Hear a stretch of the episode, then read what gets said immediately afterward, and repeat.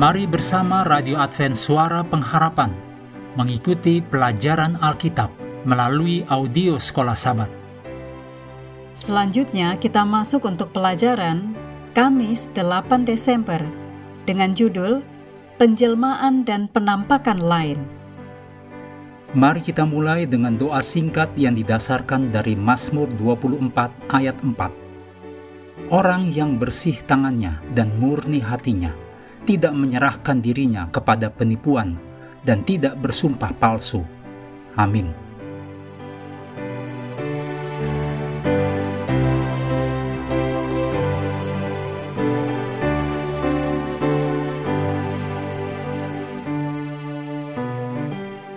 Mirip seperti penujuman, ada juga penjelmaan iblis yang menyerupai orang mati dan penampakan iblis lainnya. Tokohnya bisa dalam bentuk anggota keluarga yang sudah meninggal, teman, atau siapa saja.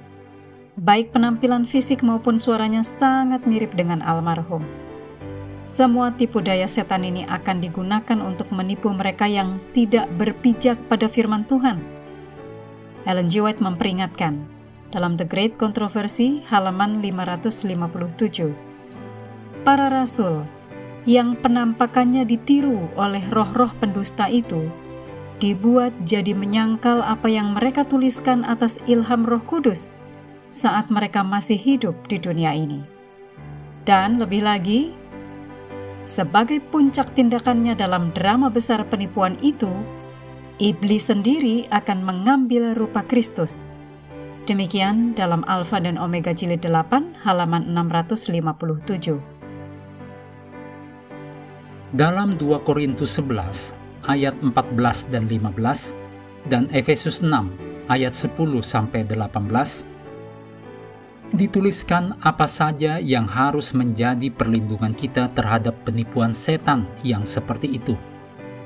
Rasul Paulus memperingatkan kita bahwa karena perjuangan kita bukanlah melawan darah dan daging, tetapi melawan pemerintah-pemerintah, melawan penguasa-penguasa, melawan penghulu-penghulu dunia yang gelap ini, melawan roh-roh jahat di udara.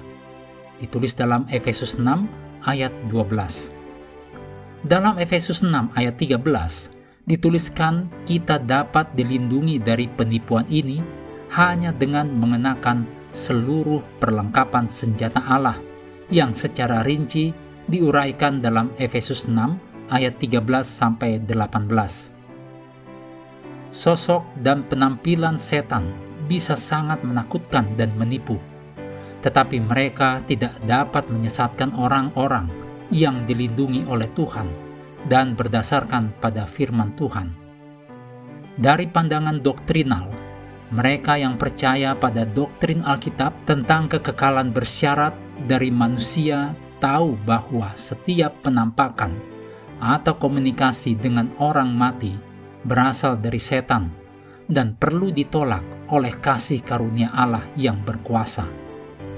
Sekali lagi, tidak peduli seberapa kuat, meyakinkan, dan tampak nyata perwujudannya, kita harus selalu berpegang teguh pada ajaran bahwa orang mati itu tidur di dalam kubur.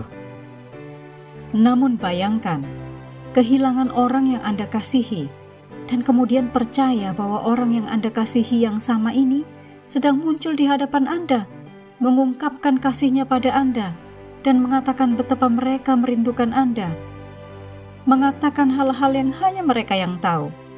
Mengatakan bahwa mereka sekarang berada di tempat yang lebih baik. Jika seseorang tidak sepenuhnya berdasar pada apa yang Alkitab ajarkan tentang keadaan orang mati, Pikirkan betapa mudahnya dia jatuh ke dalam penipuan seperti ini, terutama karena mereka memang ingin mempercayainya juga. Apakah artinya mengenakan seluruh perlengkapan senjata Allah? Dalam pengertian praktis sehari-hari, kita harus melakukan ini di setiap bidang kehidupan kita termasuk dalam menghadapi penipuan dan penyesatan akhir zaman.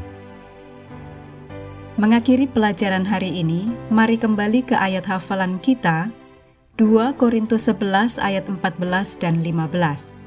Hal itu tidak usah mengherankan, sebab iblis pun menyamar sebagai malaikat terang. Jadi bukanlah suatu hal yang ganjil jika pelayan-pelayannya menyamar sebagai pelayan-pelayan kebenaran. Kesudahan mereka akan setimpal dengan perbuatan mereka.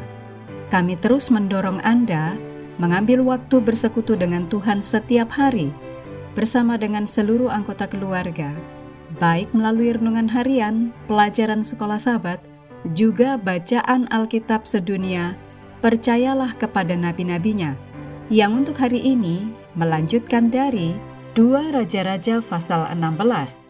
Tuhan memberkati kita semua.